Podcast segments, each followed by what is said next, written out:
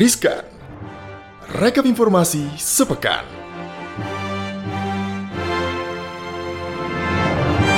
Sobat Hai Cuan. Sobat Cuan. Hehehe, apa kabar Sobat Cuan? Jumpa lagi nih Sobat Jumpa lagi, Cuan. benar bareng dengan Kali Iksan Dan Maria Katarina. Ya Sobat Cuan, menuju akhir pekan kita ketemu di Rizkan Rekap informasi sepekan. Betul, sebelum kita mulai deretan informasi Gal mau ikut prihatin buat teman-teman yang mungkin lagi ngelihat portonya berdarah-darah ya.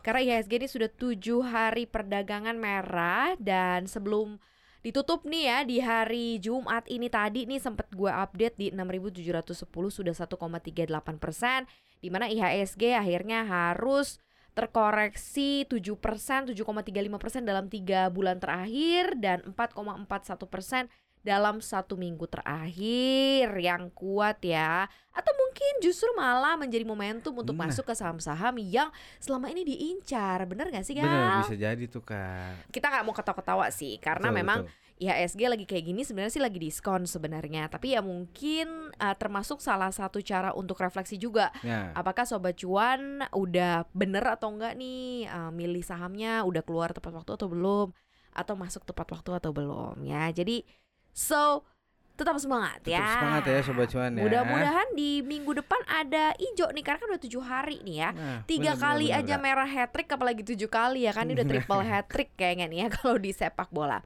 Well, Betul, betul. kita langsung aja masuk ke informasi-informasi yang keren-keren banget nih hari ini agak cukup rileks sih. Gue pilihnya beberapa berita yang jadi trending juga di uh, cnbcindonesia.com. Yang pertama nih yang paling akan ditunggu adalah besok ya Pak Jokowi mantu nih. Iya. Mas Kesang. Mas Kesang dan Mbak Erina ya. Congratulations Selamat, setelah selamat. setelah perjalanan panjang berliku-liku ya kan kita tahu ya karena kan Kaisang ini kan setengahnya udah jadi aktris ya Iya, aktor ya betul, jadi berita-beritanya dekat dengan siapa ini udah jadi informasi untuk publik ya Nah, Presiden Joko Widodo ini mengungkapkan harapannya kepada sang putra bungsu Kaisang Pangarep yang akan menikah dengan Erina Gudono ya besok.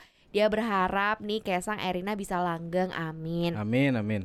Di mana banyak banget rentetan acaranya nih Gal, di mana Apa ada upa- upacara ngunduh mantu dan tasyakuran pernikahan Kaisang Pangarep dan Erina ini di Solo. Terus ini sedang dipersiapkan juga dan sudah running juga ya, sudah ada pengajian. Terus upacara siraman Kaisang dilakukan di kediaman masing-masing dan hajatan besar keluarga besar Presiden Joko Widodo ini diadakan di rumah dinas Wali Kota Solo, Loji Gandrung dan Pura Mangkunegaran. Ketua Panitia Pernikahan Kaisang Erina Erick Thohir mengatakan prosesi ngunduh mantu dan tasyukuran dapat menjadi ajang promosi wisata dan juga tradisi Jawa khususnya di Surakarta, Gitu, Kak. Iya, karena menurutnya gitu ya, pernikahan ini tuh banyak upacara adatnya, Kak. Benar benar benar Nah, benar. ini harus dilestarikan nih kalau menurutnya Pak Erik nih. Mm-mm. Jadi jangan semua nikahan pakai gaya ke barat-baratan terus gitu Ih, pesannya. setuju sih, apalagi anak presiden nah, kan. benar. Nah, rangkaian upacara adat mengunduh mantu akan dilaksanakan di Loji Gandrung yang merupakan bangunan bersejarah. Hmm. Nah, bangunan bergaya Indis itu dibangun oleh pengusaha Belanda di era kolonial bernama Johannes Augustinus de Sence. Nah, pengusaha di bidang agrobisnis itu menikah dengan seorang wanita yang masih keturunan Kasunanan Surakarta. Yes. Setelah ngunduh mantu ya, nanti mempelai bersama keluarga diajak eh, menuju Pura Mangkunegaran seperti halnya Loji Gandrung. Mangkunegaran ini memiliki jejak sejarah yang sangat besar di Solo dan sekitarnya. Kompleks kadipaten yang berada di tengah kota Solo itu didirikan oleh Raden Mas Said yang bergelar Kanjeng Gusti Pangeran Adipati Arya Mangkunegaran. Nah, sejak eh, tadi pagi nih ya, Pura Mangkunegaran udah dibersihin, dipasang dekorasi, dipercantik ya. Di mana lokasi tasyakuran tersebut sebagai hiasan untuk eh, dekorasi tuh ada bunga-bunga yang udah mulai dipasang nih gal. Nah, nah, tamu undangannya nih Kak, katanya nih akan disambut batang pohon yang memisahkan akses keluar masuk pendopo. Oke. Nah, di dalam pendopo keren-keren. sendiri dekorasi didominasi ranting pohon dan bunga-bunga berwarna putih. Nah, nggak cuma itu Kak, ini ke sejarah Kota Solo, pernikahan Kaisang dan Erina juga dimeriahkan dengan sembilan panggung yang tersebar di sepanjang jalan antara Loji Gandrung hingga Gila, Mangkunegaran.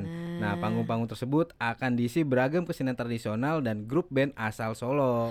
kita nggak diundang ya. Nah, Kayaknya bakal rame banget rame sih. banget. Semua akan semua mata tertuju ke Solo ya. Erick juga mengatakan pernikahan Kaisang Erina diharapkan jadi meningkatkan kunjungan wisata di kota Solo. Tidak hanya wisatawan mancanegara, acara tersebut juga dapat menarik pelancong ya dari dalam negeri. Nih misalnya kayak kita, aduh Jumat nih, wah langsung ah naik pesan kereta ke Solo ya. gitu ya. Besok pengen tahu sih ke seperti apa hype-nya nih ya Erina dan juga Kaisang. Iya, Karena kalau kita tahu ya selama ini kan selalu ngejar wisata dari luar. Padahal kan wisata lokal tuh atau orang wisatawan lokal tuh banyak sebenarnya yang mungkin juga belum secara detail keliling kota Solo dan Betul, mempelajari bangunan-bangunan bersejarah, tempat-tempat bersejarah di kota Solo dan ini harus diperhatikan. Nah, momen- momen-momen kayak gini nih termasuk yang oke juga ya kayak untuk menarik-narik para wisatawan itu ya. Bener, ya ini kayak gini mungkin kali nanti berminat nanti habis ini pulang kerja langsung ya. Langsung berangkat ke Solo ya. Langsung ke Solo nanti hari Minggu balik pulang Jakarta ya. Oke, yang jelas selamat ya Mas Kesang, Mas Mbak Kesang, Erina, Mbak Erina, langgeng. langgeng-langgeng ya. Cepet nanti memberikan cucu untuk Pak Presiden kan udah ada dua dari Mas Gibran, Dan terus tiga ya dari Mbak Kayang. Sekarang mungkin Mas eh, Kesang. Delapan gitu Nah, atau sebelas ya kan? jadi kesebelasan Kak. Ntar, Kak. So, congrats ya sekali lagi ya Selamat juga tuh Pak Jokowi yang akhirnya sudah tuntas menikahkan tiga orang anaknya nih ya Oke, kita lanjut ini soal masalah KUHP yang, lagi nih, rame Kak. ya Betul, Kak. Dan sempat ada insiden juga kemarin nih gara-gara Ya. ini ya di Bandung Kita ikut prihatin banget karena nggak nyangka di akhir-akhir tahun terus tiba-tiba ada tragedi-tragedi semacam ini. Nah ternyata terkait mengenai KUHP ini ya, Perserikatan Bangsa-Bangsa ini menegur keras keputusan DPR RI yang mengesahkan rancangan Kitab Undang-Undang Hukum Pidana atau RKUHP menjadi KUHP.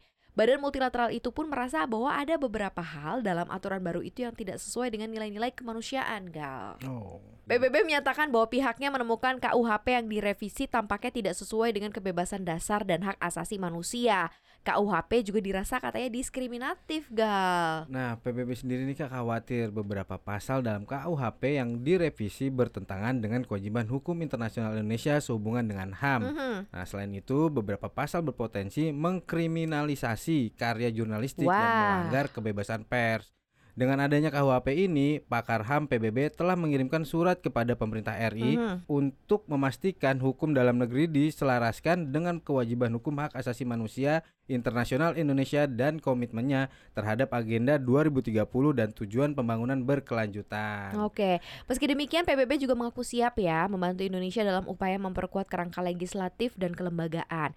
Ini untuk menjamin semua warga Indonesia bisa menikmati semua hak yang diatur dalam konvensi dan perjanjian internasional yang dikutip eh, yang diikuti oleh RI maksudnya. Jadi dari PBB ini mengatakan kami mendorong pemerintah untuk terus terlibat dalam dialog konsultatif terbuka dengan masyarakat sipil dan pemangku kepentingan yang lebih luas untuk mengatasi keluhan dan memastikan juga bahwa proses reformasi sejalan dengan komitmen global Indonesia atau SDGs. Katanya gitu, Kak. Jadi kita sambil apa ya sambil kita berharap ada titik temu juga ya terkait mengenai hal ini karena ternyata perhatian mengenai RKUHP menjadi KUHP ini ad- eh, menyita perhatian orang-orang tertentu yang kemudian action Yap. sehingga ya kita jadi ikut prihatin karena ada eh, nyawa yang harus hilang gitu ya Gal ya. Betul, betul, Kak. Oke, next nih ada dunia yang katanya gelap tapi orang-orang malah ogah pegang cash katanya. Apa tuh alasannya, Kak? Nah, alasannya Laporan dari World Expectancy Report 2022 Standard Chartered mengungkapkan jika 81% investor mengubah strategi investasi mereka ketika inflasi melambung yang mengejutkan lagi banyak orang justru meningkatkan investasinya nggak mau megang uang. Cash tuh kan? Tadi kan gue sempat mention ini kan Nah, lagi nah, turun-turunnya malah lagi diskon-diskonnya orang malah masuknya banyak gal gitu. Kak. Nah, di dalam rilisnya nih Kak, laporan tersebut mengkaji perubahan keputusan berinvestasi lebih dari 15.000 investor emerging affluent, affluent dan high net worth atau HNW di 14 negara termasuk Indonesia. Mhm. Nah, kajian ini juga mencakup pergerakan di pilihan kelas aset utama dalam berinvestasi. wow Nah, hasil survei menunjukkan bahwa sehubungan dengan tantangan ekonomi saat ini, 81% investor lokal kini lebih aktif mengelola kekayaan dan mengubah strategi investasi mereka. Nah, investor Indonesia menyatakan inflasi itu ada 40%, ancaman resesi 40% dan ketidakpastian. Sementara ekonomi global eh ketidakpastian ekonomi global 38% sebagai kekhawatiran utama mereka. Jadi paling tinggi itu inflasi, resesi terus ketidakpastian ekonomi global. Kemudian meningkatnya inflasi 34%, resesi 27%, dan ketidakpastian ekonomi global 22% ini juga merupakan kekhawatiran utama dari investor internasional. Jadi sama ya, tiga jenisnya ini, inflasi, resesi, dan ketidakpastian ekonomi global. Nah, dalam satu tahun terakhir, investor lokal ternyata telah melakukan perubahan dalam mengatur keuangan mereka. Seperti misalnya nih mengurangi pengeluaran 28%, membuat keputusan baru seputar portofolio mereka 28%, yang menyebabkan perubahan pada proporsi kelas aset utama mereka gitu, Gal. Nah, benar Kak. Untuk mengatasi inflasi, 61% investor global ingin mengurangi porsi kepemilikan uang tunai mereka. Begitu juga halnya dengan 61% investor di Indonesia. Berdasarkan tanggapan investor Standard Charter, memperkirakan bahwa alokasi kas global akan turun 26% pada tahun 2022 menjadi 15% pada tahun 2023. Mhm. Nah, para investor juga sedang mempertimbangkan kembali kepemilikan ekuitas mereka karena volatilitas pasar yang meningkat. Meskipun kelas aset ini akan tetap menjadi bagian penting dari portofolio mereka. Mhm. Nah, berdasarkan respon survei, ada indikasi bahwa alokasi saham di portofolio di Indonesia akan turun dari 9,5% menjadi 7% di tahun depan. Oke. Nah, tahun ini investor Indonesia terus menunjukkan minat yang tinggi terhadap emas Hmm. dengan 60% mengatakan mereka berinvestasi di aset ini sebagai akibat dari Oke, inflasi. ini salah satu memang untuk yang compete inflation ya, yaitu punya safe haven yaitu adalah emas. Selain itu untuk memerangi inflasi di tahun 2022 ada minat pada value stock sebesar 41% dan obligasi sebesar 41%. Investasi berkelanjutan juga akan terus mendapatkan minat dan modal investor meskipun kekhawatiran terjadinya greenwashing tetap ada. Lebih dari separuh investor global atau 52% ya berharap dapat meningkatkan investasi berkelanjutan mereka di tahun 2023 sementara 61% investor di Indonesia juga berencana demikian. Jadi presentasinya lebih besar Indonesia ternyata eh, daripada global Daripada ya. global. Jadi ya oke, ternyata ada pilihan-pilihan investasi lain daripada taruh di bank doang ya, Nah. dipotong biaya admin, ini itu lalalala gitu ya. Mending taruh di aset yang bergerak gitu ya. Asetnya jadi investasi gitu. Oke Tuh, deh, mungkin ini juga salah satu jadi pilihannya sobat cuan ya. Apakah juga sama dengan hasil survei ini nih sobat cuan? Tapi nih, Ada Ngegas. yang jadi miliarder nih. Kak. ngegas gue ini nih gara-gara bola nih ya pasti nih ya kan. Ini dari di luar sini sobat tapi gue gue gue yakin sih lo lo semua nih gali nih jangan jangan tongkrongannya. tapi kan biasa kan ya kalau nongkrong-nongkrong kayak eh berapa nih? Misalnya eh, Argentina ini lawan berapa berapa gitu iya, kan. Tapi bener kan bener kak. tapi kan receh-receh aja ya kan sepuluh ribu ya kan berapa ya Buat seru-seruan ya. buat seru-seruan tapi ternyata seorang guru di Amerika Serikat kaya mendadak setelah menjadi miliarder lantaran menjagokan timnas Maroko loh yang dijagokan ya di. Piala Dunia 2022. Ini dikutip dari Sportable, guru tersebut memenangkan 1 juta dolar atau setara dengan 15,5 miliar rupiah karena memprediksi Maroko mencapai babak delapan besar Piala Dunia 2022. Gila. Dalam laporan Action Network, guru yang berusia masih 20-an ini memasang taruhan sebesar 90 dolar ya, 9 eh 90 ribu dolar. 90 ribu dolaran lah ya, hampir 100 ribu dolar atau sekitar 1,4 miliar. Ini taruhannya juga udah gede Udah ya. gede juga ya nih. Untuk Maroko mengalahkan Spanyol di babak 16 besar. Dan ternyata the- guru guru ini waktu dikabarin malah gugup saat ternyata unggul nih hasil taruhannya. Sembari mengajarkan olahraga di apa olahraga bola voli sama murid. Jadi lagi ngajar olahraga voli.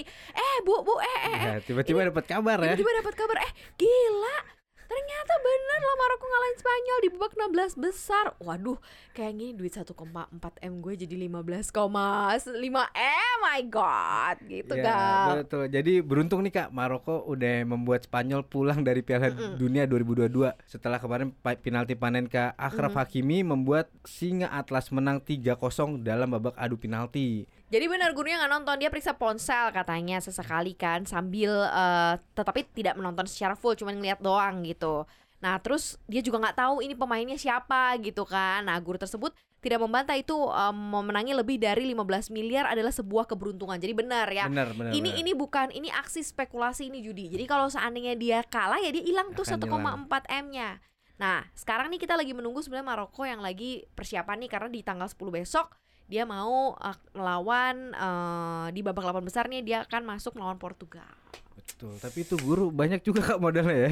iya, tapi kan ini gurunya di sana Betul, betul. di Amerika ya kan gurunya kan, ya kan. Jadi ya 15 1,4 miliar mungkin gajinya setahun, Setahun ya. kayaknya. tapi beraninya tuh gini, kok bisa-bisanya dia mencoba untuk ke babak Ya. peruntungan itu kan dia tahu sebenarnya ada nominal uang yang akan gede Betul. hilang gitu ya. Tapi memang benar sih ada eh, keuntungan yang bisa didapat berlipat kalau misalnya menang.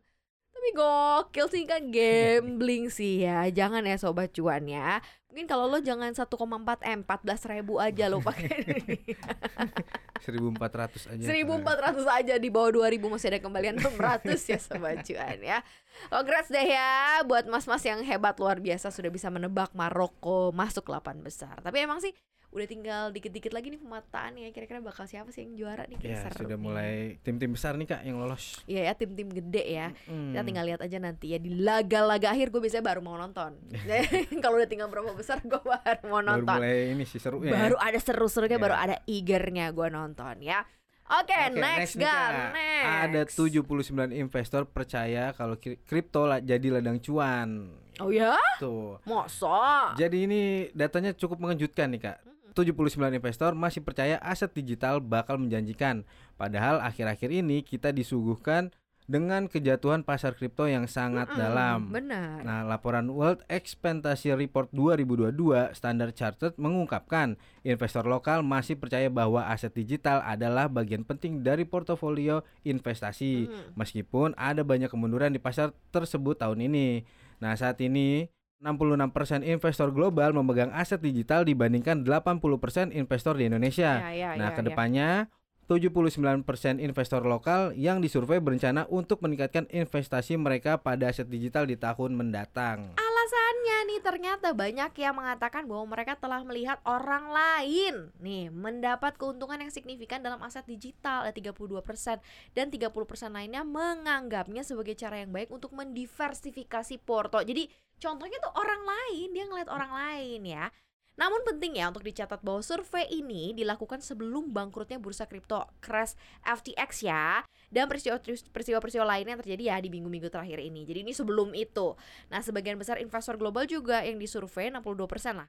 Dominasinya ya umumnya mengelola keuangan mereka sendiri walaupun terdapat beberapa variasi di berbagai negara banyak investor misalnya di Indonesia 33% nih menggunakan manajer wealth professionals untuk mengatur keuangannya mereka. Nah, rata-rata nih kan di 14 negara investor yang lebih muda ki- kisaran umur 18 hingga 35 tahun atau sekitar 63 persennya cenderung menggunakan profesional dibandingkan dengan 39 persen lebih dari 55 tahun. Mhm. Nah, rata-rata investor yang memanfaatkan manajer profesional lebih cenderung memiliki portofolio yang terdiversifikasi dan kepemilikan yang lebih tinggi dalam investasi berkelanjutan. Mhm. Mark van de Waal, Global Head World Management mengatakan, nah investor menghadapi kenyataan yang kompleks dengan inflasi ancaman resesi dan peringkat ekonomi global yang tidak pasti sebagai kekhawatiran utama mereka. Oke, dalam risetnya ternyata diungkapkan bahwa mereka membuat perubahan dalam alokasi portofolio menghadapi tantangan ini. Tetapi penting bagi mereka untuk membuat keputusan yang selaras dengan tujuan dan lingkungan eksternal mereka. Karena dipercaya bahwa portofolio yang terdiversifikasi dengan strategi menghasilkan pendapatan multi aset memberikan beberapa peluang terbaik saat ini. Portofolio jenis ini juga dikombinasikan dengan saran uh, personal dari World Manager Wealth Manager yang dapat membantu investor ya mengat- mengatasi kondisi pasar saat ini dan mencapai tujuan jangka panjang mereka. Gitu, guys. berarti masih ada peluang kali ya. Sebenarnya intinya sih kalau dilihat dari riset ini Hmm. em, mereka tidak benar-benar menjadikan porto kripto itu sebagai satu-satunya investasi, tetapi mereka melakukan diversifikasi. Nah, rata-rata mungkin mereka udah punya aset yang lain nih, mungkin punya aset real, aset ada saham, ada emas. Mereka diversifikasi, mereka pilih nih salah satunya adalah aset kripto dan ternyata memang di situ bisa jadi ladang cuan. Jadi memang bukan tunggal bener-bener plek ketiplek cuman punya kripto doang, Ya. enggak, tapi mereka lakukan duitnya tuh ditaruh juga di tempat lain termasuk salah satunya di Di kripto. kripto. Gitu Oke. dari hasil survei ini. Jadi jangan terus tiba-tiba Ah. sobat cuan gini, tuh kan ya. bener kripto tuh 79% investor aja percaya tuh bahwa kripto ladang cuan. Iya, tapi doi udah punya yang lain Lainnya. juga. Lu juga mesti kudu begitu ya, Ya, sobat ya, cuan ya. Wah gila nih, seru banget sih sebenarnya berita-berita di akhir pekan ini ya. Sengaja dipilih-pilihnya yang nggak mau horor-horor karena kita pengen banget membangkitkan semangat untuk pekan depan sobat cuan supaya Yes. kembali semangat lagi, investasinya semangat lagi nggak sih. Kal? Kerjanya juga Benar-benar. semangat lagi ya kan. Makanya harus dengerin terus konten-konten podcast kita di mana aja. Yap, eh, jangan lupa dengerin konten-konten menarik kita lainnya di podcastnya Cuap Cuan di Spotify, Apple Podcast, Google Podcast, dan juga Anchor. Yes. Nah, jangan lupa juga nih untuk follow Instagramnya di @cuan underscore cuan dan juga subscribe YouTube channel di Cuap Cuap Cuan. Kemudian di like, komen, dan share ya. Oke, sobat cuan, thank you banget ya. Bantuin dong Thank you Instagram ya, kita Sobat 100 k Cuan. ya. Karena Dan udah ada- YouTube kita juga nih. Bener-bener YouTube kita dong di subscribe please please, please, Ya, please, please, OTW please, please, 10.000. please, please. Iya ayo dong Sobat cuannya please ya Thank you banget Sobat cuan Selamat berakhir pekan Maria Yap. dan Gali pamit ya Bye-bye Bye.